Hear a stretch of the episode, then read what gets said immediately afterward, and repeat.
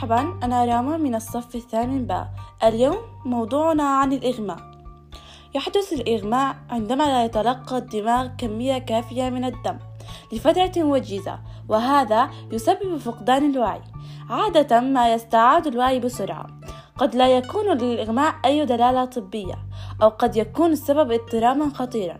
وفي بعض الأحيان يكون للقلب دور في هذه الحالة.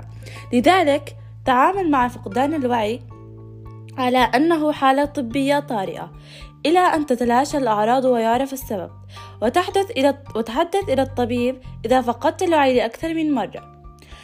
إذا شعرت بالإغماء فاستلقي أو أجلس. للحد من فرص التعرض للإغماء مرة أخرى. لا تنهض بعد وقت قصير. فضع رأسك بين ركبتيك إذا كنت جالسا إذ تعرض شخص آخر للفقدان الوعي فاجعله يستلقي على ظهره. لم تكن هناك إصابات وكان الشخص يتنفس فارفع ساقيه فوق مستوى القلب إذا أمكن وارفع ساقيه حوالي 12 بوصة 30 سنتيمترا. فك الحزام أو زر اللياقة أو أي ملابس ضيقة للحد من فرصة تعرض الشخص لإغماء مرة أخرى. لا تسمح له بالنهوض بعد وقت قصير.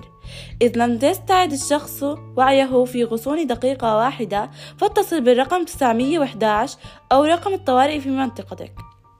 تحقق من أنه يتنفس. تحسس النبض للتحقق من إذا كان الشخص يتنفس. إذ لم يكن الشخص يتنفس فابدأ بإجراء الإنعاش القلبي الرئوي.